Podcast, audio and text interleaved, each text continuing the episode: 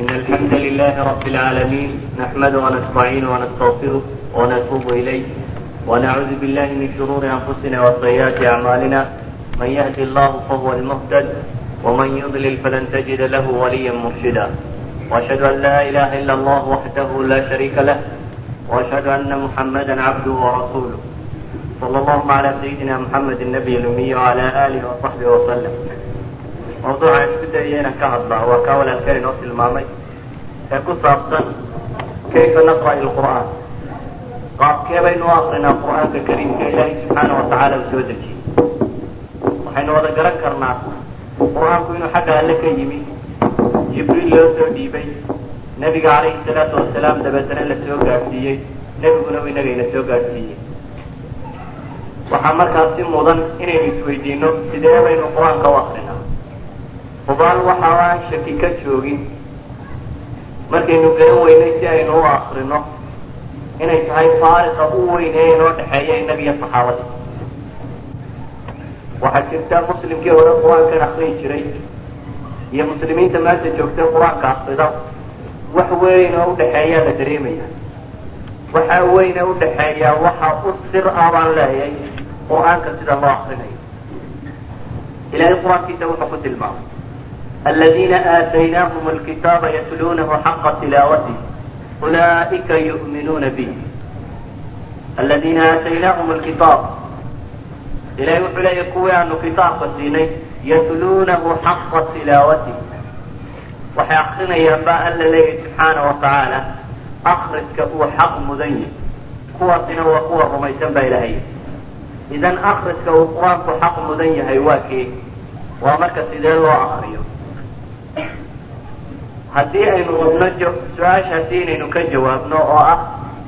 xaq uu mudan yahay qur'aanku in la akriyo ama qiraa'ada uu xaq mudan yahay in la akriyo waxaynu leenahay waa inaynu dhan kale ka eegna. Waxa la akrinaya saddex shayba waa la isweydiiyaa. Waa inaynu isweydiinaa yaa ku hadlay. Waa inaynu kaloo isweydiinaa yaa lala hadlaya waa inaan kaloo isweydiinaa muxuu ka hadlaya shay kastaaba.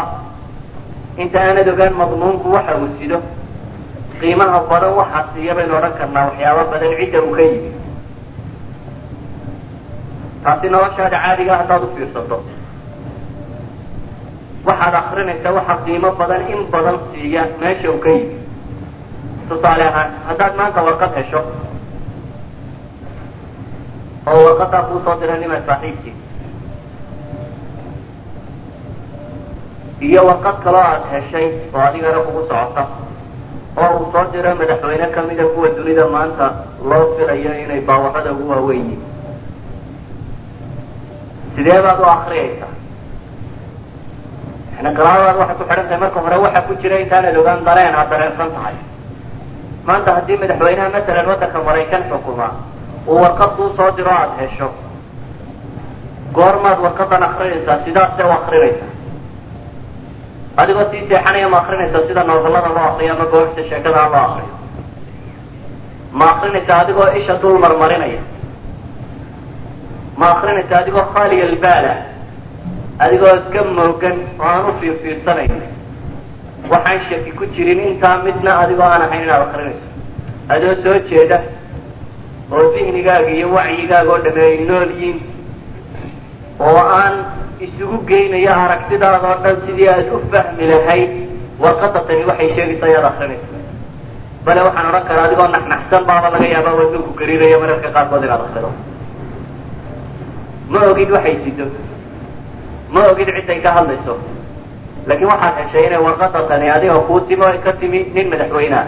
sababtu waa maxay? Huwa saaxibu sulta. Sababtu waxay tahay cidda kuu soo dirtaad wax ku og tahay ciddaad warqadan ka heshay ayaad ogtahay cid sulta gacantiisa ay ku jirtatay. Awood cid ay gacantiisa ku jirtatay. Idan waxay leenahay waxaad sawirtaa adigoo waxaad rabta inuu akrinaya uu ka yimi rablcizza isagoo cidda kula hadlaysa ay tay huwa allahu lwaxid laxad lfard samad iyadoo cidda kula hadlaysa ay tahay alkhaaliq ilaahay ku abuuray ilaahay kownka oo dhami gacantiisa ku jiray haddii aada akrinayso warqadii ka timi nin madaxa ama nin waxaysta ama qof aad tawqiirinayso weyneynayso warqada ka timi haddaad akrinayso adiga oo soo jeeda waa inaad maxay dareentaa marka aad akrinayso warqad aad og tahay inay ka timi ilaahay ku abuurtay adiga iyo dunida dhammaanteedba markaad akrinayso war aad hubto inuu ka yimi raxmaanka kownkan oo dhan iska leh biyadihi kullu shay ilaah gacantiisa wax waliba ay ku jiraan hubaal waxa aadoo sii jeeda haddaad akrido inaad ka mid noqonayso kuwa ilaahay leeyahy wamaa qadaru llaha xaqa qadri ilahay wuxuu leeyahy wamaa qadaru llah xaqa qadri isagoo ka warramaya duulaan alla subxaanahu watacaala si dhaba u rumaynin ayaa ilahay wuxuu leeyahy wamaa qadaru llaha xaqa qadri may weyneynin eebe subxaanahu watacaala amase may qiimaynin. Qiimayntu xaq mudna. Idan kitaabka qur'aana markaad kor u qaado inta aanad akrinin hadday maskaxdaadu soo jeedo aada fakerayso awalan waa inaad garataa risaalada tan ama warqada tan aad akrinaysaa man ilmutakalim waa ka hadlaya. Waa inaad garataa waxaana aad doonayso inaad akridaa inuu yahay kalaam allah idaafada ah kalaam ya allah laysu idaafeeyey tacriifkaasi macne aada u ballaaran buu tilmaamaya ma aha siday ahlulkalaam dadka ku mashquuliyeen. Waxaan diintaba ka tirsanayn oo kalaam ullahi maanta o dhan ay ku sharxeen laakiin waxay ahayd qofka muslimkii markuu maqlo kalaam ullah inuu gariiro inuu garto ilaahay kownka lahaa subxaanahu watacaala inuu yahay kala hadlaya. Waxaan leeyahay si taa alla inoo dareensiiyo bini aadamku uu ilowshiye dhow yahay oo aanay u dhicin inaad akrido kitaabkan qur'aanka adigoo luloonaya ama gabasan ama sii jeeda ama caynka kale. Ayaa ilaahay subxaana watacaala wuxuu inoo tilmaamay waktiyadu soo degay. Waxaa jira bini aadamku waxbuu qiimeeya oo zikriyaad ka sameeya si waxaa taa aftiisa ku weyn. Marka sidaan si aan loo ilaabin daraaddeed ayuu waxaas ixtifaalaad iyo waxu sameeya waxay naqanaa bini aadamka ama dawladahan cusub ee cilmaaniyiintii waxay u dabaal degaan. Maalin la yidhahdo yawm alistiqlaal aw yawm alxuriya maxay maalintan dabaaldegeedu qiimaa samaynaysaa waxa weeyaan waxay rumaysan yihiin maalin agtooda qiimo kule inay tahay oo aan la ilaabin ee ay weynaato ilaahay subxaana watacaala si uu taa inoogu tilmaamo. Ayaa waxaa la leeyahay qur'aanka kani wuxuu soo degay. Sanadkao dhan marka la isku daro bil ka mudan baa ilaahay leeyahy shahru ramadaan aladi unzila fihi lqur'aan hudan linnaas wabayinaatin min alhuda walfurqaan shahru ramadaan aladi unzila fihi lqur'aan siyaaqay aayadani ku jirtaa waxaa laga warramaya bisha ramadaan bisha ramadaan si loo weyneeyo laynoo tusiyo weynida ay leedahay ayaa ilaahay wuxuu leeyahy waa bishii hadalkaygu idiin soo degay waa bishii maxay qur'aanku uu soo degay baa la leeyahy subxaana watacaala waxa ilaahay subxaana watacaala ogyahay bini aadamku yihi markaasaa ilaahay wuxuu tilmaamaya qur'aankani waktiga uu soo degay inay tahay weliba bisha tan toban ka sii tilmaaman. Sida mufasiriinta qaar ku tafsiirayaan walfajr walayaalin cashr. Ama nebigu calayhi salaatu wasalaam uu ku tilmaamayo tobanka u dambeeya bisha ramadaan ee laylat uu ku jiro. Si aan bini aadamku u ilaabin qur'aanka kani maalintuu soo degay iyo sidii u weeyey ayaa ilaahay wuxuu leeyahy xamiim wlkitaab lmubiin ina anzalnahu fi laylati mubaaraka ina kuna mundiriin fiiha yufraqu kulu amrin xakiim ilahay wuxuu leeyahy subxaana watacaala qur'aanka kan waxaan soo dejiyey habeen barakaysan. Bale ilaahay wuxuu leeyahy waa habeenka wax kasta arrin kasto xikmad ku salaysan. Arrintaas uu alla xukumo subxaana watacaala habeenkaa qiimaha mudan baa la soo dejiyey si laguu dareensiiyo qur'aanku inta uu leegay aada rabto inaad akrido ayaa ilaahay wuxuu leeyahy ina anzalnaahu fi laylati lqadr wama adraaka ma laylat lqadr laylat lqadri khayru min alfi shahr tanazl lmalaa'ikatu wاruux fiiha biidni rabbihim min kuli amr salaamun hiya xataa maطlaci lfajr ilahay wuxuu leeyahy ina anzalnaahu fi laylati lqadr qur'aanka waxaan soo dejiyey baa ilaahay leeyahay habeen weyni iyo sharaftiyo mudnaan mudan markaasaa ilahay leeyahy wama adraak ma laylat lqadr maxaa idin garabsiiyey? Laylat lqadrigu inta leesiyo qiimaha iyo weyniday leedahay ilaahay baa tilmaamo wuxuu leeyahy waa habeen u dhigma maxay? Alfa shahr. Bal eh khayrun baa ilaahay ku tilmaamaya inay ka khayr badan tahay kun bilood. Kun bilood waa aktar in ka badan siddeetan iyo saddex sannadood ilahay wuxuu leeya habeenku qur'aanku soo degay wuxuu ka khayr badan yahay siddeetan iyo saddex sannadood in ka badan. Arrimahaasoo dhan waxa qur'aanku inoogu tilmaamaya inaan dareenkeenu dhiman. Marka aynu rabno inaynu kitaabkan qur'aanka akrino inaynu ogaano ilaahay subxaana watacaala sida uu weyneeyey inaynu ogaano maalintii habeenkii la soo dejiyey inaynu ogaano bishii la soo dejiyey sida ilaahay subxaana watacaala u weyneynayo daraaddeed si aada u dareento qur'aanka kan markaad akrinaysa intaanad bilaabinba waxaad akrinaysaa wuxuu yihi ayaa ilaahay qur'aankiisa wuxuu ku leeyahy kadalika arsalnaaka fi ummatin qad khalat min qabliha umam litatluwa calayhim aladii awxaynaa ilayk. Ilahay wuxuu leeyahy nabi maxamed calayhi salaatu wasalaam waxaanu u soo dirnay sidii rusushii ka horreysayba ummadaha loogu soo dirayay baanu adna kuu soo diray baa ilahay laleeyahy maxaa loo soo diray nebi maxamed calayhi salaatu wasalaam ilahay wuxuu leeyahy litatluwa calayhim aladii awxaynaa ilayk. Litatluwa talaawa inaad ku akrida baa ilaahay yihi subxaana watacaala wadiifadaas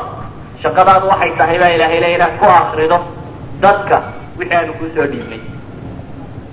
Wahum yakfuruuna biraxmani qul huwa rabbi laa ilaha ila huwa calayhi tawakaltu wailayhi mataab laakin ilaahay subxaana watacaala wuxuu doonaya inuu qur'aanka weli ina dareensiiyo. Intaynan akrinin bal qur'aankani wuxuu yihi saas daraaddeed baa ilahay wuxuu leeyahy walaw ana qur'aana suyirat bihi ljibaal aw quطicat bihi lard aw kullima bihi lmawta bal illahi lamru jamiica. Ilahay wuxuu leeyahy subxaana watacaala haddii ay ka mid ahaan lahayd baa ilahay leeyahy qur'aankan cajiibkaa dadka ku akri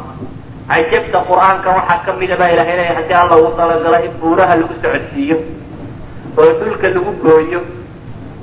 oo maytida lagu nooleeyo yacni wuu samayn kari lahaa taasiirka qur'aanka kale. Laakiin waxaa loogu talagalay in lagula hadlo noolaha takliifku saarayi in bini aadamka lagula hadlo. Dabeecada qur'aankan baa ilaahay tilmaamaya subxaana watacala inay kuwa khaaliqa ku jirto. Lidalik ba sayid qطbi raximah llah wuxuu leeyahy aladina talaqw watakayafuu bihi sayaruu ma huwa adkam min aljibaal wahuwa taariikh lumam waqaطacuu ma huwa aslaf min alard wahuwa jumuud alafkaar وجمود التقاليد وأحيوا ما هو أخمد من الموتى وهو الشعوب التي قتل روحها الطغيان والأوهام حلين القرآن كفي أقدر أنت إنت أنا تقرن قيمها أولي وكلام الله أي لا يحلي لو أنزلنا هذا القرآن على جبل لرأيته خاشعا متصدعا من خشية الله وتلك الأمثال نضربها للناس لعلهم يتفكرون ilahay wuxuu leeyahay haddaanu qur-aankan kusoo dejin lahayn buur waxaad arki lahayd buurtu iyadoo dhambdhambalmaysa ilaahay subxaana watacaala cabsi ay ka cabsanaysa daraaddeed waxaasoo dhamina waxa weeyaan baa la leeyahay tusaale aan idiin yeelayo idinka. Wa tilka alamthaalu nadribuha linnaas lacallahum yatafakkaruun. Waa tusaalayaal aan idin siinaya baa ilaahay leeyahay subxaana watacaala ina ina fakartaan daraaddeed. Idan waxaan leeyahay haddaad rabto qur'aanka inaad ka mid noqoto kuwa ilaahay leeya yatluunahu xaqa talaawati ulaa'ika yu'minuuna bih haddaad rabto inaad kuwa ka mid noqoto waa inaad marka hore eegtaa waxaad akrinaysaa yihi oo ah yaa yidhi inaad tidhaahdo waa hadalkii kuma waa hadalkii ayo qur'aankaad akrinayso dareenkaasi waa mid. Dareenka labaad ee aan jeclay inaan ka jawaabnaa wuxuu yihi yaa lala hadlaya haddii warqadu ay ninkii qadarka lahaa ka timid antaanay adiga ku khusaynin ama se kugu soconin lagama yaabo inaad xoog u sii akrido laakiin markuu adiga yahay bal ka warran qofka lala hadlaya tasawar maci maanta oo maraykanka malaa bini aadamku maadaadkan buu qiimeeyaay madaxweynaha haystaa warqad soo diro oo anta maxamed cabdillaahiyo halka fadhiya loo soo diray. Maxaad yeeli lahayd markaad akrinayso waxaad ohan lahayd maxaa laygu calaamadsadee u ninkaa madaxda ee dunida intaasoo dhan ka taliya warqadan uu ii soo diray waxay sheegayso waxaad akriyi lahayd marka adigoo isku dayaya xarakada daaya inaad dhibcaha iyo koomooyinka iyo bajuationka calaamadaha inaad fahamto waayo bizaat aday kugu socotaa. Dadku waxay qur'aanka akriyaan inta badan iyagoo moodaya in laga warramayo abibakar iyo abijahl oo markay tafsiirayaan ama akrinayaan yidhahdaan tana abijahl bay ku soo degtay. Taasi mugiray ku soo degtay. Tani waa abibakar isagu waxbaba kama khuseeyaan waxay akriyaan iyagoo moodaya qisas dad hore un in looga warramayo. Oo qur'aanka loo qaybinayo markaa salafkii iyo gaaladii oo aan cidda kalaba shaqo ku lahayn laakin waxaa leeyahy waa fikrad qaldan qofka muslimkii hadduu kitaabkan qur'aanka akrinayo isagoo og in isaga ilaahay la hadlayo ilaahay kawnka abuurtay waa risaale uu kuu soo diray waa warqa risaala. Risaaladan la soo diray oo iya ku socota qof wal oo bini aadama oo dunida korkiisa jooga. Idan markaad kitaabka qaatee rabto inaad akrido waxaad dareentaa inuu yahay risaale xagga alle ka timi oo iya ku socota adiga kugu socota abijahl tuur abibakar ka tag cid kale ha ka fekeri. Qof bini aadam oo kaleo dunida saaran ha ka fekeri. Waxaad akridaa adigoo ogsoon inuu ilaahay adiga kula hadlayo. Anta bizaat inaan cid kale lala hadlaynin ee qofka lala hadlaya u adiga yahay. Lidalik ilahay naxariistiisu badanaa markuu kawnka intan leeg adiga warqadkaaga soo diray. Ee aad adigu akrinayso ee aada hayse ilaahay hadalkiisiiyo adiga toosku ugu socda aan cid kale ku socon laakin bini aadamku in badan uma fiirsadaan ilahay naxariisiisa saas daraaddeed buu ilahay leeyahy subxaana watacaala ya ayuha aladiina aamanuu hal adullukum cala tijaara yaa lala hadlaya ya ayuha aladiina aamanuu aduu ilaahay kula hadlaya markaasaa ilahay wuxuu ku hal adullukum cala tijaara haddii maanta nin khabiiri uu ku yimaado dhaqaaleeyahano weyn oo ku yidhaahdo waxaan ku siinaya talooyin ku saabsan saa dhaqaalaha u kobcisidii caynkan in badan baa dadka u raaricin lahay waxoogaagaga dhaqaale ama shirkadaada si aad u socodsiiso waayo waxaad ogtahay ninkan inuu khabiiriyo cilmi leeyo waa ka bal sawir raxmaankii dunida lahaayo adiga kula hadlaya bidaat oo kule waxaan kuu tilmaamaya cala tijaaratin tunjiikum min cadaabin aliim waxaan leenahay ilahi subxaana watacala wuxuu leey ya ayuha aladiina aamanuu aaminuu billah waa adigaa lala hadlaya cid kale maaha sidaa daraaddeed bu ibnu mascuud wuxuu odhan jiray markaad maqashaan ilahay oo le ya ayuha aladiina aamanuu war dhegta u raariciya wixii dantiinaaba alla ka warramaya waxaan leenahay ilahay baa qur'aankiisa wuxuu markaa kuleeyahay iyadoo isticjaab loo soo aroray wakayfa takfuruuna waantum tutla calaykum aayaat kayfa takfuruun war sideebaaba u gaaloobaysaan baa ilahay leeya iyadoo idinka laydinku akrinayo ilahay aayaadkii subxaana watacaala waxaan leeyahay markaa dareenka labaad ee u baahan inaad dareentaa waxa weya kitaabka qur'aana markaad tidhaahdo akriyo kow waa inaad garataa ciddaa soo dirtay inuu hadalkii alla yahay subxaana watacaala mar labaad inaad garataa qofka lala hadlaya inuu adiga yaanu cid kala ahayn su'aasha saddexaad ee u baahan inaan ka jawaabayana waxay tahay haddii aan rabno xaqa tilaawati inaan akrino maxaa laga hadlaya muxuu ka warramaya ma tarfiihiba mayaa lagu madadaalinaya ma sheekaa lagu sheegaya ma qisaskii dadkii horaa lagaaga warramaya muxuu ka warramaya? Maxay tahay muxtawiyaadka wasido kitaabkan waxaan leenahay qur'aanka kan ilaahay baa hadalkiisii weeyaan adigaanu kula hadlaya waxaanu ka hadlayaa dantaada maaha dan cid kale. Ilaahay aduu kula hadlaya waxaanu kuu tilmaamaya wuxuu ka hadlayaa inay tahay adiga dantaada waxaan odhan karnaa. Bini aadamku markuu magaalooyinka waaweyn casriga kan marka la tago magaalooyinka dunida ka dhisan aad bay waaweyn yihiin markay aada u weyn yihiin waxaa dhacaysa qofku meeshuu doonayay inaanu helin. Masalan magaalo ka mid a magaalooyinka waaweyn ee dunida barlin oo kalaa tagtay waa shan iyo afartan kilomitr oo dhan iyo shan iyo soddon kilomitr oo dhan kalaa intaasoo wada daar iyo guriya. Waxaad rabtaa inaad tagto gurigii maxamed cabdillaahi sidee baad u tegaysa waxaa macruufa aynu naqaana haddaad guriga adreskiisii garanayso markaad airportka ka soo degto ayaa waxaa laga gataa meesha laga qaataa buug yar oo daliil rexla lagu tilmaamo ama se tilmaama khariidadii magaalada. Oo aad ka baadi karto qofkii aad doonaysay adreskiisi sida dictionaryga loo baadho adreska intaad ka baadho aad gurigii helayso halku ku dhacayay aad helayso waxa muwaasalaadkaga oo dhan hadduu tareeyey hadduu basiyo hadduu tagsiyey wax kastao dhan cidi iyadoo aanay kuwadin baad waxaad toos u tegi kartaa. Markaa guri kastoo aad doonayso ee magaalada ku yaalla ka waran haddaad isku daydo tidhaahdo waar nimankan waxaan qorqoray dadkay lugoynayaan oo waxaan akhriskiisu waaba tiro badan yahay. Anaa lugaynayo magaalada dacal ka bilaabaya. Albaab walba intaan kortaaga uban ka eegaya magac ku qoran. Kii maxamed cabdillaahi maye hadduu noqo waayo waan dhaafaya bitajriba baan ku soo helayaa tiraado kam sana bay kaa qaadan lahay hal guriyo magaalada ku yaalla inaad ka soo hesho yani waxa laga yaabaa cimrigaaga o dhan barliintaad u guda wareegaysa inuu kaa dhamaan cimrigaaga inaan waxba ka soo hadhay. Maxaa loo sameeyey daliil umexla markaa waxaa loo sameeyey si aan waktigu kaaga lumin oo aad juhdigaaga u dhowrato adiguna aanad lumin. Ilahayna wuxuu ku leeyahy waima yaatiyanakum minii hudaa faman tabica hudaaya falaa yadilu walaa yashqa ilaahay aduu kula hadlaya waxaana alla leeyahy subxaana watacaala hanuunkaygu markuu idin yimaado haddaad raacdaan qofka raaca maxaa ku dhacaya laa yadil walaa yashqa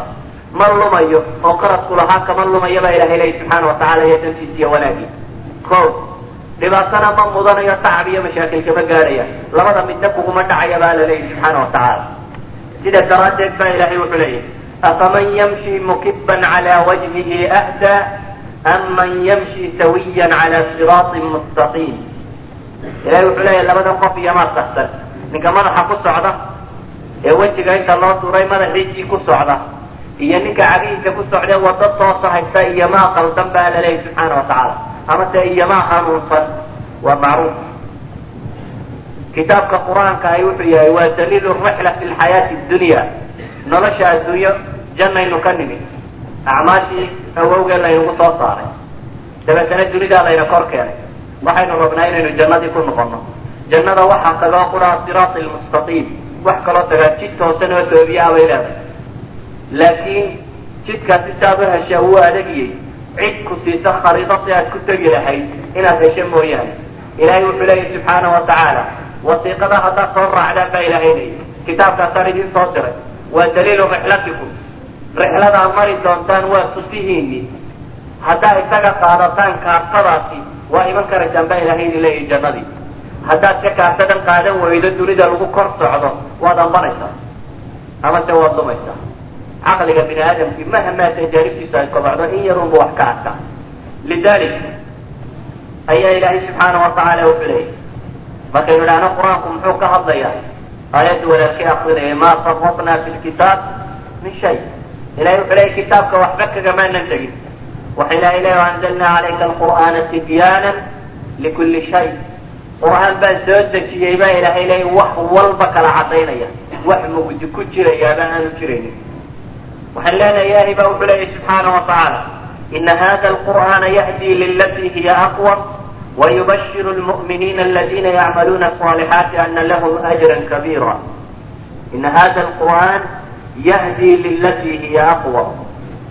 qur'aanka kalima ilaahay leeya wuxuu idinku hanuuninayaa lilatii hiya aqwa tii toositaan badan baa alla leeyahy subxaana watacaala ilahay baa wuxuu leeyahay subxaana watacaala laqad arsalnaa rusulana bilbayinaat waanzalnaa macahum alkitaaba walmiisaan liyaquuma annaasu bilqisqa dunida haddaad cadaalad iyo nolol doonayso waxaan soo diray baa ilaahay leeyahy rusul rususha maxaa lagu soo diray bilbayinaat albayina iyo almucjizaat waa mucjisooyinka cadaynaya inuu nebi yahay iyo ilahay wuxuu leeya waanzalnaa macahum lkitaaba waxaan soo raaciyey baa ilahay leeya macooda kitaab iyo miisaan xaq iyo baatilka lagu kala garto maxaa loo soo diray ilahay wuxuu leeyahy subxaana watacaala liyaquuma annaasu bilqist ilahay wuxuu ina leeyahy kitaabun anzalnaahu ilayk litukrija annaasa min aظulumaati ila annuur biidni rabbihim ila siraati alcaziizi alxamiid waa kitaab baa alla leeyahy subxaana watacaala aan soo dejiyey. Maxaa loo soo dejiye u ka warramaya? litukrija annaasa min aظulumaat ila annuur in dadka lagaga saaro baa ilaahay leeyahy subxaana watacaala ulumaat magdiyada in dadka lagaga saaro oo loogu saaro iftiinka idan waxaynu leenahay kitaabka qur'aanka markaynu akrinayno awalan waxaynu leenahay waa hadalkii ilaahay oo ilaahay xaggiisu ka yimi haaniyan waxaynu leenahay aduu kula hadlaya qof walowba cid kale lagulama hadlayo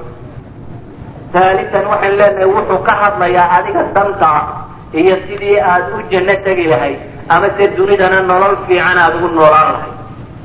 haddaan tacaadiidta maanta la isticmaalo isticmaalo waxaan odhan karaa waa manual buuggaagi waxaa jira warshadaha waaweyne markay shay sameeyaan waxaa la soo raaciyaa buug buugga kani wuxuu ka warramaa. Shayga kani wuxuu ka samaysan yahay ama qaabku u samaysan yahay sida loo shaqo gelinayo looga shaqaysiinayo iyo waxyaabaha ku saabsan taad u isticmaali karto o dhan maxay warshadu ama shirkadu maxay ugu soo dartaa buugga kan wax kastoo ay soo saarto? Hadduu raadiyo iyo hadduu record iyo hadduu computer iyo hadduu da maxaa buuggan yar loo soo raaciya waa daliilkiisii. Waa in waxa kan aan lagu samaynin si xun in loo isticmaalo waman ant adiga ilaahay baa ku abuuray subxaana wa tacaala si aan si xun lagugu isticmaalin ama aanad adigu si xun isu isticmaalin ayaa ilaahay subxaana wa tacaala wuxuu ku soo raaciyey maalin wal buuggaagaad ku shaqo geli lahayd ama lagaaga shaqaysiin lahaa idan kitaabka qur'aanka ahi wuxuu yihi qofka bini aadamka waxaynu naqaana shay walba waxa ugu aqoon badan cidda samaysa masalan maanta haddaad soo qaado ay wax kastoo dunida lagu sameeyo. Shirkadda mercedes masalan gaadhigeeda haddaad keento. Gaadhiga mercedes yaa ugu aqoon badan dunida. Shirkadii lahayd cid ugu aqoon badani ma jirto. Idan cid samaysa iyadaa ugu wanaagsan. Ka waran haddaad nin hawd ka yimi intaad u dhiibto aad tidhahdo gudintaada ku samey oo hayri macquul waxay leenahay adiga yaa ku abuuray marka. Ilahay baa ku abuuray subxaana wa tacaala yaa garan kara markaa dantaada iyo waxaad ku islaaxi karto. Macquuli lbashar ayaa garan kara. Mise waxaa garan kara uun ilaahay ku abuuray subxaana wa tacaala ee isagu ku abuurtay ayaa garan kara. Waxaa macruufa cidda garan kartaa inuu yahay ilaahay ku abuurtay subxaana wa tacaala. Idan waxay leedahay kitaabkan qur'aanka ee laga nalam nalamsiinaya waa wasiiqadii noloshaada oo dhan aad ku sixi lahayd ee lagu soo raaciyey waa qaabkaad noloshaada ugu noolaan lahayd ama si aad u dabiqi lahayd. Waa qaabkaad walaalkaa ula noolaan lahayd. Waa qaabkaad dawladdaada u dhisan lahayd. Waa qaabkii aad bini aadam ku noqon kari lahayd. Waa ilaa bini aadamtinimada heli maysa waa qaabkaad ilaahay subxaana wa tacaala u caabudi lahayd. Waxaasoo dhan waxa tilmaamaya risaalada tan xagga alle ka timi subxaana wa tacaala waxay leenahay risaalada tani waxay tilmaamaysaa danteeda sida daraaddeed baa ilaahay wuxuu leeyahy yuriidu llahu bikum lyusr walaa yuriidu bikum alcusr waar ilaahay ta fudud buu idinla doonayaa baa la yidhi wanaag ayaa alla subxaana wa tacaala idinla doonaya ee idinlama rabo maxay alcusri waxaa dhibaatada leh ilahay wuxuu leeyahy subxaana wa tacaala yuriidu llahu an yukafifa cankum wakuliqa linsaanu daciifa ilahay wuxuu doonayaa inuu nolosha idiin fudaydiyo oo sida u wanaagsanan loo noolaan kara dantii wada garan kara ilahay wuxuu ina subxaana wa tacaala isagoo tilmaamaya risaalada laynoo soo diray iyo nebigii laynoogu soo dhiibayba. Wamaa arsalnaaka ilaa raxmatan lilcaalamiin. Waa naxariisun baa alla leeyahy aan naxariistay daraaddeed baa loo soo diray kitaabkan dhammaantiis maanta bacdu nnaas baa cuquushooda waxa ka guuxaya. Waa laynaga tajaarib badan reer galbeed qaadanay iyo abtan qaadanay. Iyagoo ilaahay ka warramay iyaganoo yidhi ma yawadu aladiina kafaruu min ahli lkitaabi wala lmushrikiin an yunazla calaykum min khayri min rabbikum wallahu yaktasu biraxmatihi man yashaa wallahu du lfadli lcadiim waxaan leenahay danteenna waxa og ilaahayna abuuray waxaan leenahay ilaahay subxaana wa tacaala isagaa naxariis badan waxaan leenahay ilaahay subxaana wa tacaala isagaa caadila idan raxmaanka caynkaasi yaa kuu soo diray kitaabka kan waxaan leeyahay marka haddii aada rabto inaad ka mid noqoto kuwa ilaahay ku tilmaamaya alla leeyahay kitaabkan kuwa rumeeyey waa kuwa akrinaya baa ilaahay leeyahay xaqa tilaawati. Tilaawada uu xaq muto ama akriska uu xaq muto waxaan idin leeyahay marka qur'aanka markaan rabna inaan akrino saddexdaa su'aalood marka u horeysa aan isweydiino. Yaa hadlaya ama waa hadalkii ayo. Yaa lala hadlaya muxuuse ka hadlaya. Waxay leenahay ilaahay baa hadlaya subxaana wa tacaala waa kalaam allah adigaa lagula hadlayaa cid kale lalama hadlayo. Waxaa laga hadlayaana waa adiga dantaa intaa markaynu isla garanno ayaan ka jawaabaya haddaba su'aashii ahayd kayfa naqra'i lqur'aan intaa hore waa dareenki iyo muctaqidaadkaad rumaysnaan lahayd markii aad rabtay kitaabkan inaad akrido haddaba kayfa taqra? Sidaad u akrinay waxaan u akrinaynaa baan leenahay si aan u fahamno xaqa fahmi. Maadaama uu ilaahay hadlayo oo inaga inala hadlayo oo uu danteenna ka hadlayo waxaan u akrinaynaa sidii aan ugu fahmi lahayn si dhab ah. Taa daraaddeed in la fahmo daraaddeed ayaa ilaahay kitaabka qur'aana muu soo dejin isagoo wada socda ilaahay wuu awoodi karayay nabiga calayhi salaatu wasalaam in loo soo dhigo kitaabka oo kuusan oo soddonkii jis oo isku wada dhana laakiin taa lama yeelin. Ilahay wuxuu leeyay waqur'aana faraqnaahu litaqra'ahu cala annaasi cala mukm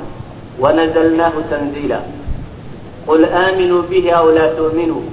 ina aladiina uutuu lcilma min qablihi ida yutla calayhim yakhiruuna liladqaani sujada wayaquluuna subxaana rabbina in kana wacdu rabbina lamafcuula wayakhiruuna liladqaani yabkuun wayaziiduhum khushuuca waxaa la leeyahay subxaana wa tacaala waqur'aana faraqnaa waa qur'aan baa ilaahay leeyahy faraqnaa aanu qayb qaybinay baa la leeyahy subxaana wa tacaala jumla looma soo dejin laakiin waan soo qayb qaybinay baa ilaahay leeyahy maxaa loo soo qayb qaybiyey litaqra'ahu cala annaasi calaa mukr waxaa loo soo dedejiyey hadba in yar si dadka loogu akriyo si degan oo ay u suurto geli karto inay weelayn karaan oo fahmi karaan.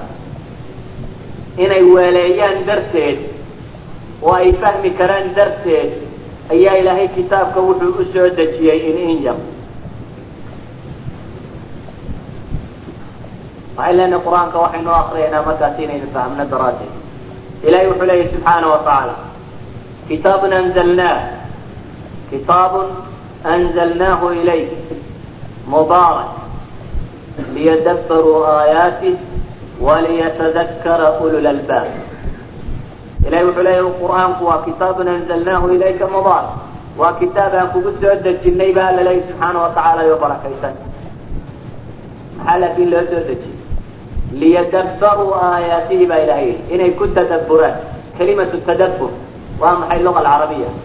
hadihi lkalima min asliha min adubur bay ka tigi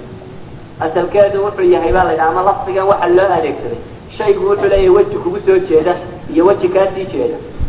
shaygu qayb ku soo eegaysiyo qayb kaa sii jeeda buu leeyahay qaybta kugu soo jeeda marka hore isha u horeysa aad ku dhufataa lagu fahmaa laakiin haddaad isku dayayso shayga kale inaad si wanaagsan u fahamto waxaad u baahantay inaad dhan walba ka marto dhan walba ka egto ilahay marka wuxuu leeyahay liyadabbaruu aayaati tadbiirku waa maxay marka inaad kalaamka u fiirsanin oo qura eh inaad maqaasidiisana isku daydo inaad eegto inaad fahmi karto hadalkani xaquu u socday u gundhacayo sidaa daraaddeed baa ilahay leeyahy kitaab barakaysan baan soo dejiyey ba alla leeyahy waxaa si loo soo dejiyey maxay liyadabbaruu aayaati inay isku daydaan dhabarkiisa ina aragtaan yacni maqaasidiisa ina aragtaan inaad ku tadabburtaan oo ku fekertaan oo oo aad garan kartaan qasdiga iyo danta laga leeyahay nusuusta tan inaad garan kartaan daraaddeed baa ilahay leeyahy iyo waliyatadakara ulul albaab. Tada marka tadabburku sugmo ee aada shayga kan si fiican u fahamtid ayaa tadkiraduna sugmaysa ayay noqonaysaa markaasi inaad ku waantoobaan kuwa caqliga leh. Lidalik ba ilahay kuwa aan ku tadabburayn isagoo maagayaba alle wuxuu leeyahy afalaa yatadabbaruuna alqur'aan am calaa quluubin aqfaaluha kuwa kan baa ilahay leeyahy subxaana wa tacaala miyaanay qur'aanka iyagu u fiirfiirsanaynin fiirfiirsigu xaq muto taasi ma jirta ba ilahay leeyahy qalbiyadooda qof la sudan yahi tadabburkii baa maqan qiraa'adu waa iska jirta abi jahl ba af carabiga waa yaqaano waa lagu dul akrinaya qur'aanka si taasi u dhacdo oo loogu tadabburi karo oo ay u dhici karto inaad garato maqaasida qur'aanka ayaa ilaahay subxaana wa tacaala wuxuu inoo tilmaamaya. Marka aynu qur'aanka maqlayno ama si akrinayno inaynu furno ajhidat listiqbaal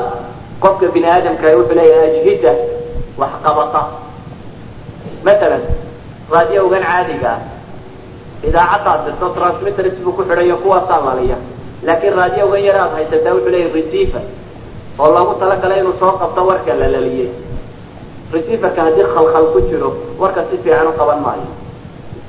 Ilaahi subxaana wa tacaala wuxuu ugu talagalay marka insaanku wuxuu leeyahay ajhiza uu wax ku qabto oo ku weeleeyo si aanad ajhizada u mashquulin baa ilaahay wuxuu ku leeyahay. Waidaa quri'a alqur'aan fastamicuu lah waansituu lacallakum turxamuun ilahay wuxuu leeyahay jisadu ya idinka mashquulin. Ee waidaa quri'a alqur'aan haddii qur'aanka la aqriya baa ilahay leeyahy fastamicuu lah. Waansituu waar dhegaysta oo aamusa baa ilahay leeyahy subxaana watacaala waxaa mudantiis ama waxaa ku gaadhaysaan taasi in ilaahay idin naxariisteen idan waxayn leenahay ilaahay wuxuu ina bar qaabkaynu qur'aanka u akrinaynaa inuu yahay in la fahmo daraaddeed baa marka horeba in yar in yaraa lagu soo dejiyey haaniyan ilaahay wuxuu ina baray qur'aanka in loo soo dejiyay inaynu ku tadaburno u fiirfiirsano haalitan ilaahay wuxuu ina baray subxaana watacaala inaynu ajhisadeenna waxweelaysa inaynu soo jeedino marka aynu rabno inaynu qur'aanka akrino ama se dhegaysano lidalik ayaa ilaahay qur'aankiisa wuxuu inoogu tilmaamaya gaaladu falsafaadka ay adeegsadaan in dadka ay diinta ku dhaafiyaan waxaa ka mid ah inay isku dayaan inay qofka qur'aanka ka mashquuliyaan oo ajhisat listiqbaal inay awdanto markaasi aanay waxba aqbalin ama se waxba maqal markaasaa ilaahay subxaana watacaala makiidadii quraysh ka warramaya oo ilahay wuxuu leeyay waxay yidhaahdeen laa tasmacuu lihada alqur'aani walgaw fiih lacallakum taglibuun waxay isugu dardaarmayeen maxay? Laa tasmacuu lihada alqur'aan walgaw fiih. War qur'aanka ha dhegaysanina bay lahaayeen markaa aragtaan iyadoo la akrinayo ku buuqo ku qayliya dadku yuu fahmi. Si aanu dhegta u gelin idina buuqo qayliyo wax akriyo sheeka berelayo wax sheeg sheega lacallakum taglibuun waxaa mudantiin inaa markaa ka guulaysataan bay idhahdeen ama waa qaab looga celin kare dadka ha laga mashquuliyo ha laga fogeeyo bay leeyihiin qur'aanka ilahayna wuxuyna leeyihi walaqad yasarna alqur'aana lidikri fahal min mudakir qur'aanka waxaan u fudaydiyey baa ilaahay leeyahy kuwa ku waantoobaya inuu ku waantoobeen waar ma jirtaa baa ilahay leeyahy subxaana watacaala mid weelaynaya ikhwatii fi lcaqiida waxaynu leenahay marka qur'aanka ilaahay baa soo dejiyey waa hadalkiisa adigaana lagugula hadlaya dantaabaana laga hadlaya si aada u fahamto daraaddeedna ilaahay qur'aanka wuxuu u soo dejiyey in yarin yar kadibna waxaa lagu faray inaad ku tadaburto adna u fiirfiirsato. Kadibna waxaa lagu faray. Dhegta iyo isha iyo inta wax lagu weeleeyo maskaxdaba inaad soo jeediso markaad qur'aanka dhegaysanayso ama se akrinayso ilaan dantaaba ilaahay ka warramaya subxaana watacaala kadibna waxaa layna faray waxaynu weelayno inaanay noqon theory wax madaxa gale inuu noqdo wax practical oo noloshaada ka muuqa sida daraaddeed baa ilahay wuxuu leeyahy fabashir cibaadi aladina yastamicuuna alqawla fayatabicuuna axsana ulaئika aladina hadaahum waulaئika hum ulu lalbaab allahu nazla axsana alxadiidi kitaaba mutashaabiha mathani taqshaciru minhu juluud اladina yakshawna rabahum uma taliinu juluuduhum waqulubuhum ila dikri illah ilahay wuxuu tilmaamaya subxaana watacaala dadka mu'miniintii marka ay maqlaan ilahay kitaabkiisa sida ay noqonayaan waxa ilaahay tilmaamaya in ay la ta'asurayaan ama ta'asur khaas khushuucu ku jira inay qur'aanka ula imanayaan oo ay yihiin dad nool oo soo jeeda markay qur'aankan maqlayaan ama se akrinayaan taasina ay keensanayso markaa dareenkooda iyo xawaastooda inuu ka muuqdo waxay akrinayaan oo ay noqdaan markaa iyagoo la takayufaya inay marna jidhkoodu uu qabandhacyoodo marna maxay uu dabco oo jilco oo ilaahay naxariistiisa iyo barwaaqada uu ku yaboohayo uu dareemo. Laakiin ma waxaa looga jeedaa un iskagedigaasi qofku marna uu dareemayo inuu qabandhacyoodo oo naxo argagaxo marna uu farxayo oo uu kala ballaadhanayo ma taas baa maya. Waxaa looga jeedaa inuu hanuun isu bedelo. Sidaa daraaddeed baa ilaahay aayadda wuxuu ku sii gabagabaynaya dalika huda allah dalika huda allah waa laabudda inuu hanuun isu bedelo. Ulaaika aladina hadaahum wa ulaaika hum ulalalbaab waxay leenahay istimaaci alqur'aan iyo talaawadiisu iyo ta'asurka khaashica waa inay isu bedelaan ilaa huda amase suluuk la iltizaamayo waa inay isu bedelaan waa inuu dhaqan noqda waa ilaa qiraa'adiisu qiimo badan yeelan mayso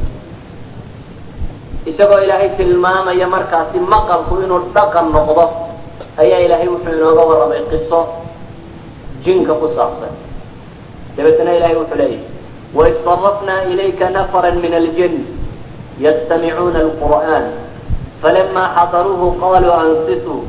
falama qudiya wallow ilaa qawmihim mundiriin qaluu ya qawmana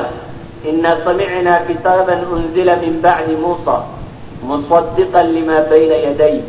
yahdi ila alxaqi wa ila طariiqi mustaqiim ya qawmana ajiibuu daaciy allah ilahay wuxuu inoo tilmaamayaa subxaana wa tacaala inay dhegaysteen nafar ama koox jinka ka midi nabiga calayhi salaatu wasalaam oo qur'aan akrinaya yastamicuuna alqur'aan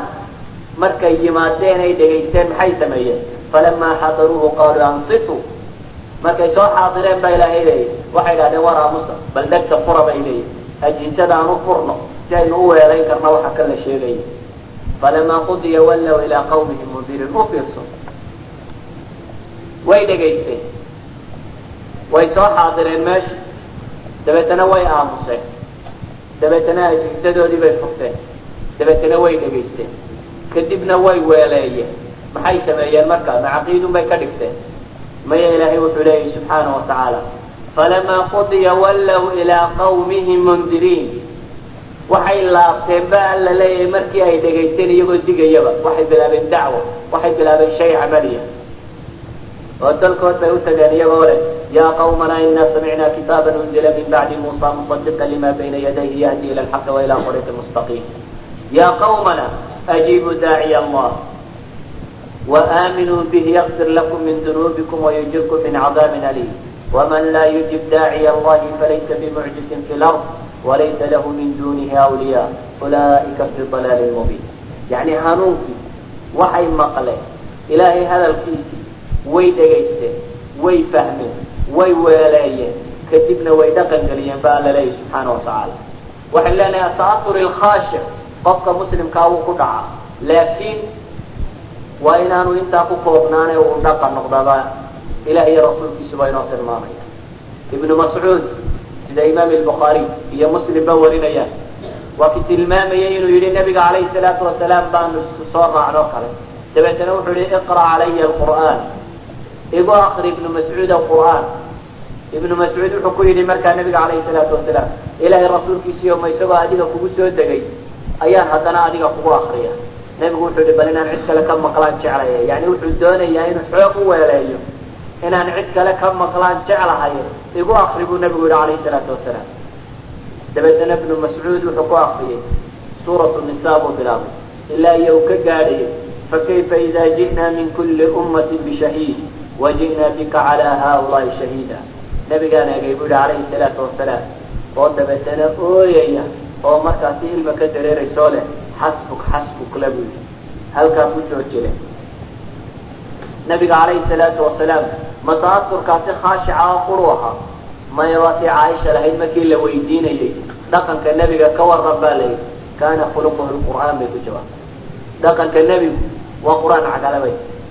qur'aankii kitaabkii waa mid la akriyo laakiin isagu wuxuu ahaa kitaab soconayo kitaabkiiyo shaksiya bini aadama noqday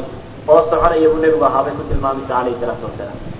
lidalik ba ibnu mascuud wuxuu leeyahy waxaanu ahaan jirnay kuwa dhegaysta qur'aanka oo dabeetana toban aayadood oo kudha qaata tobankaasaanu la maqnaan jirnay ilaa aanu ka soo xifdino oo ka soo fahamno oo ka soo camal gelino kadib baanu tobanka kala dhegaysan jirnay. Ikhwatii fi lcaqiida waxaan idin leeyahay qur'aanka ilaahay subxaana wa tacaala wuxuu inoogu tilmaamaya wixii nolosheena ku jirto o dhan inuu yahay min alqur'aani ma huwa shifaa inuu ilaahay subxaana wa tacaala kaga waramayo wax allaala iyo wixii shifaa iyo raxma ummadda ay ugu jirto. Caafimaadku wuxuu ku jiro. Caafimaadka ijtimaaciga ka iqtisaadiga ka caqadiga ka cibaadeed caafimaad dhammaantiiba inuu isaga ku jiro. Sidaa daraaddeed waxaan leenahay waxa ilaahay qur'aanka u soo dejiyay in la fuliyo wama arsalna min rasuulin ila liyutaaca biidn illah waxaan jeclay inaanan hadalka idinku badin. Waayo hadalka kiisa hore kiisa dambu masaxa laakiin waxaan idin leeyahay ilaahay qur'aanka duul buu kaga warramay kitaabka dhaxlay oo haysta. Iyagoo kitaabka haystana waxay doonaan yeela haddana. Oo aan xaqu mudnaan siinin ilahay kitaabkiisa ilahi wuxuu leeyay fakhalafa min bacdihim khalfun warisu lkitaab ya'kuduuna carada hada aladna wayaquluuna sayukfaru lana wain yaatihim caradu mitlu ya'kuduun alam yuqad calayhim miisaaqu lkitaabi an laa yaquluu cala allahi ila alxaq wadarasuu ma fiih waddaaru alaakhiratu khayru liladiina yattaquun afalaa tacqiluun wاladiina yumasikuuna bilkitaabi waaqaamuu الصalaa ina la nudiicu ajra lmusrifiin ilahay wuxuu leeyay subxaana watacaala duul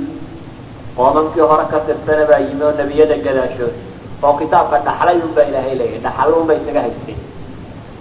dabeetana baa ilahay leeyay subxaana watacaala waxay doonaan intay sameeyaan oo waxay doonaan qaataan ayay marmarsiiyeen waxay ka sii dhigtaan baa alla leeyay waa naloo dembi dhaafi doonaa sayukfaru lana sayukfaru lana dembi intay sameeyeen ay ka toobad keeneen maahe ilahay wuxuu leeyahy wain yaatihim caradun mitlu yaakuduun farsamadu waa iska joogta mid kalena hadduu yimaado halkii un bay taagan yihiin baa ilahay leeyahy subxaana watacaala waxaan leeyahay kuwa ilaahay wuxuu ku ceebeynayaan ka baxsan ikhwatii fi lcaqiida waxaan leeyahay kitaabka akriya qur'aanka ah ninka caqiida saafiya doonayo qur'aanka ah fiqhi daqiiqa ninka doonayo qur'aanka ah dacwo naajixa ninka doonayo qur'aanka ah akhlaaq muhadaba qofkii rabo qur'aanka ah xayaata mutma'ina qofka doonaya nolol degan oo qur'aanka ah waxaan idin leeyahay qur'aanka akriya laakin akriya xaqa tilaawa. Akriska uu xaq muto akriya lidalik ayaa sayid qutba ilaahay u naxariistay wuxuu ku lahaa kitaabkii u dambeeyey uu qoray muqawamaati tasawur islaamiy intuu in badan nusuus qur'aan ay saba dhigo ayuu wuxuu tilmaamaya haddii aanay jirin buu lahaa dadku fogaanta ay ka fogaadeen ilaahay kitaabkiisii. Iyo xidhiiryarida ila leeya daraaddeed. Yani waxaa ku fillay dadka ilaahay hadalkiisa sharax iyo tafsiir doona looga baahnay. Ee waxay ahayd buu dadka in loo qadimo oo qura ilahay kalaamkiisa aan waxba kale la soconin ilahayna wuxuu leeyay wain axadu min almushrikiina istajaarak faajirhu xataa yasmaca kalaam allah xataa yasmac kalaam allah ilaahay hadalkiisu wuu weyn in la dhegaysto la maqlana wuu mudan yahay si uu nebigu calayhi salaatu wasalaam inoo baro marka inaynan meel kale ku mashquulin inaynan qur'aanka ka tegin ayaa wuxuu nebigu leeyahy calayhi salaatu wasalaam man qara'a xarfan min kitaabi illahi falahu xasana waalxasanatu bicashri amhaaliha laa aqulu alif lam mim xarf bal alifun xarf walaamun xarf wa mimun xarf. Wuxuu nabigu leeya calayhi salaatu wasalaam xadiidka imaamu termedi warinayo ee uu ku tilmaamayo inuu yahay xasanun saxiix. Qofka akriya xaraf ilaahay kitaabkiisa ka midi xasana ayuu leeyahy halka xasanaa waa la tabanlaabayaa buu nebigu yihi calayhi salaatu wasalaam. Idinma odhanaya buu nebigu leeyahy calayhi salaatu wasalaam alif lam mim waa isku xarafe waxaan idin leeyahay buu nebigu leeyahy alifkuna waa xaraf laamkuna waa xaraf miimkuna waa xaraf. Alfabet ayaa laydin tirinayaa baa nebigu leeyahy calayhi salaatu wasalaam. Markaad akrido alxamdu lilahi rabbi alcaalamiin waxaa lagu tirinayaa alifka iyo laamka iyo xa'da iyo miimka. Alxamdu waa shan xaraf marka shantaa xaraf waa shan ajar shantaa min toban baad ku dhufsanaysaa konton baad leeday baa laleeyahy qiimaha intaa leeg waxa ilaahay u siiyey si aynu ufahmno waxa dan inoogu jirto. Waxaa qiimaha intaa leege cibaado loo siiyey inuu yahay ilaahay kalaamkiisi subxaana watacaala iyo weynida yani ilahay kalaamkiisu waa shay u baahan in la weyneeyo. Isla markaasi waxay leenahay waxa waxaasoo ajara loo tilmaamay in layna baro inaynan ka fogaanin habeen iyo maalintoona kitaabka qur'aan akriskiisa waayo cibaado ka khayr badan soo heli maysid marka. Waxaan leenahay si uu nebigu taa dadka ugu adkeeyo ayuu wuxuu tilmaamaya aladi yaqra'i lqur'an xadiidka imaam lbukhaari iyo muslim ba warinaya aladi yaqra'i lqur'ana wahuwa maahiru bihi maca safarati lkiraami lbara waladi yaqra'i lqur'an wayatatactacu wayatatactacu fiih wahuwa calayhi shaaq lahu ajraan wuxuu nebigu tilmaamaya calayhi salaatu wasalaam qofka xataa inaanu hadduu qur'aanku ku adagayana xataa si aanu uga tegin. ninka akriya buu nebigu leeyahy qur'aanka isagoo yatatactacu fiih tactaca calaa wasni lfaafaa isagoo qofku buu nebigu ku tilmaamaya calayhi salaatu wasalaam yani uu ku dhib mudanayo akriskiisa oo uu gama gama'laynayo yani ay ku adag tahay sidii uu akriyi lahaa wa huwa calayhi shaaq buu nebigu leeyahy alayhi salaatu wasalaam lahu ajraan waayo laba ajar buu leeyo wuxuu leeyahay kan dadaalkanee wado iyo kii qur'aan akriska idan xataa kaan si fiican u aqoonay si aanu uga tegin ayaa waxaa la yidhi adiguna labaabaad leedahay ha fogaan ka kale xariifkaaba labaad adigu keligaa leedahay baa ilahay ku tilmaamaya si taasi aanay u dhicin qur'aanka in laga fogaado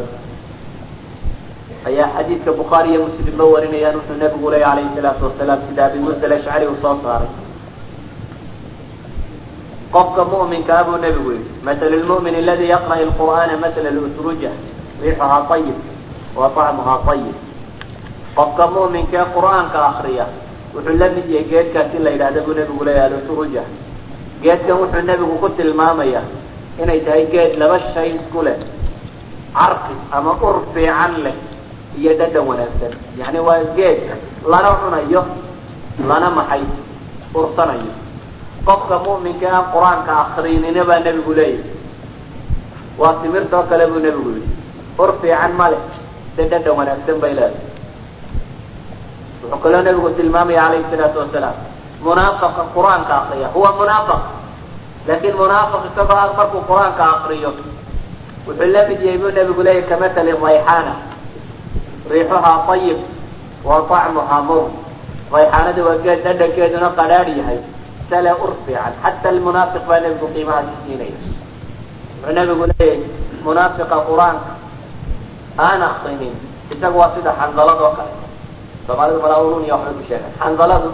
waa geed buu nebigu isna ku tilmaamaya ur xunna aan ur fiicanna lahayn yani laa riixa laha wa طacmuhaa mur isagoo nabigu inugu boorinaya saa daraaddeed bu wuxuu leeyahay khayrukum man tacallama alqur'aana wacallama qur'aankii mudnaantaa mudnaa ee ahaa hadalkii ilaahay subxaana wa tacaala ee ka warramaya adiga dantaa muslimkii hore ee nebiga la noolaa ee saxaabada ahaa iyo taabiciintii iyo salafu saalix iyo dadkii khayrka qabay qiimahaasay siinayeen qur'aanka iyo akrintiisa muslimka maanta jooga muxuu u noqon waayey kii oo kale. Wuxuu kii helay muxuu u heli waayey? Si basiita haddaan uga jawaabo waxaan leeyahay qur'aankaanu u akrinin sidii qoladaasi u akrinaysa aan si kaleba u sheego. Waxaan odhan karaa muslimka maanta jooga. Qur'aanku wuxuu agtiisaba ka yihi calaamad lagu garto balaayooyinku markay dhacaan. Waa musiiba min almasaa'ib ayuu calaamo u yihi sidii ugu yihi wuxuu ugu yeehi maysid meel qur'aan lagu akrinayo ilaa guri lagu geeriyooday mooyaane. Reer qur'aan akrisanaya markaad aragto reer balaaya haysata inuu yahay ubaad garanaysa. Odaygii baa dhintay habartii baa dhibatay jeerkii baa dhintay waa reer balaaya haysato. Wuxuu yahay bay leenahay haddaad tviyada wadanada muslimka sheegta aad furto. Markaad aragto qur'aan badan isagoo akrinaya kii wasiirkaa dhintay madaxweyne ku-xigeen baa dhintay mid kalaa ka dhintay balaayun baa haysata yani asbaxa alqur'aanu cindahum agtooda wuxuu ka noqdayba calaamad lagu garto maxay? Markay balaaya jirto. Idan dadka u arkaya inuu waxa kaniyo ilaahay hadalkiisii isagana ilaahay uu la hadlayo dantiisana laga hadlayo ee sidaa u akrinayay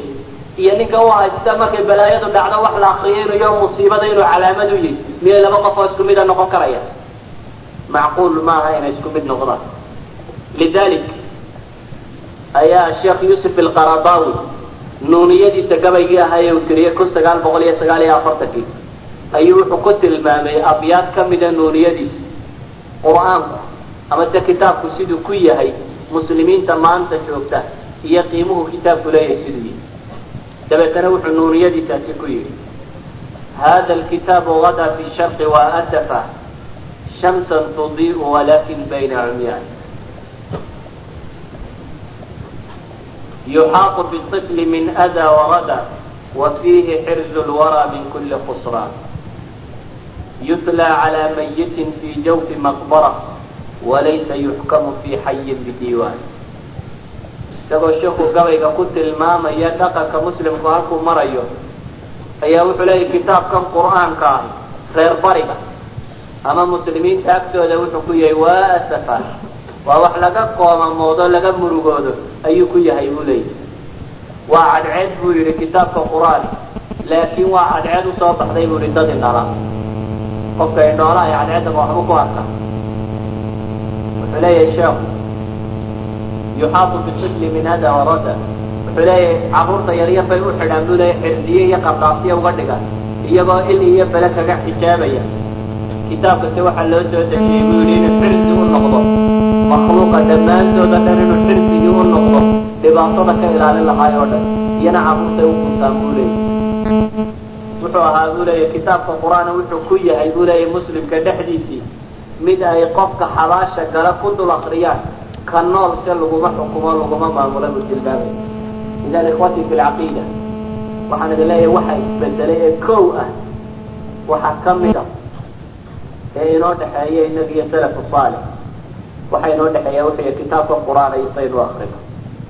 dardaarankaan idin siinaya wuxuu yahay haddaan hadalkaygii oo dhan isku soo gabagabeeyo ninkii raba kitaabka qur'aan inuu akriyo markaad qaado waxaad garataa inuu hadalkii alla yimi ilaahayna ku imaamayo wuxuu yihi wamaa qadar allahu xaqa qadar waxaad garataa inuu adiga lala hadlayo cid kale ha ka fekerina inuu ilaahay adiga kula hadlayo. Yaa ayuha aladiina aamanuu hal adullukum cala tijaaratin tunjiikum min cadaabin aliim. Waxaad garataa waxa alle uu ka hadlayaana inay tahay adiga danta. Yuriidu allahu bikum alyusr walaa yuriidu bikum alcusr dantaa inuu ka hadlayo. Waxaad ogaataa markaas inuu kaa mudan yahay inaad akrido adigoo raba inaad fahamto oo ku tadaburto oo u fiirfiirsato oo isku dayaya markaad fahamto kadib inaad dhaqan u bedesho dadka muslimiinta waxaa ka maqanina waa kaas waa inaan akrinin iyo in akridoo kaga nalab nalabsiiso una werdinimo u haysata. Iyo in waxoogaa ka fahamta laakiin aanu maskaxda dhaafin. Waxaan idleeyahay maraatibta saddexdaaba ka gudba. Ha ka tegina oo kuwa ilaahay ku tilmaamay ama nebigu ka astakoonaya lahaa. Inay umma hogaamin karaan iyagoo hogaamin kari waayo shan masaajid ama toban masaajid oo shay aada u baciid ila waxaa la leeyahay anaashi way badan aalaamkuna way tiro badan dariiquna wuu fogyi ilaahayna wuxuu inoo tilmaamay inuu shahaadada qabo inuu qaato inuu dadka mu'miniintaa tanfiisiyo waardiina wayamxaqu allahu lkaafiriin gaalana in alla subxaana watacaala dadka dabahlaayo laakiin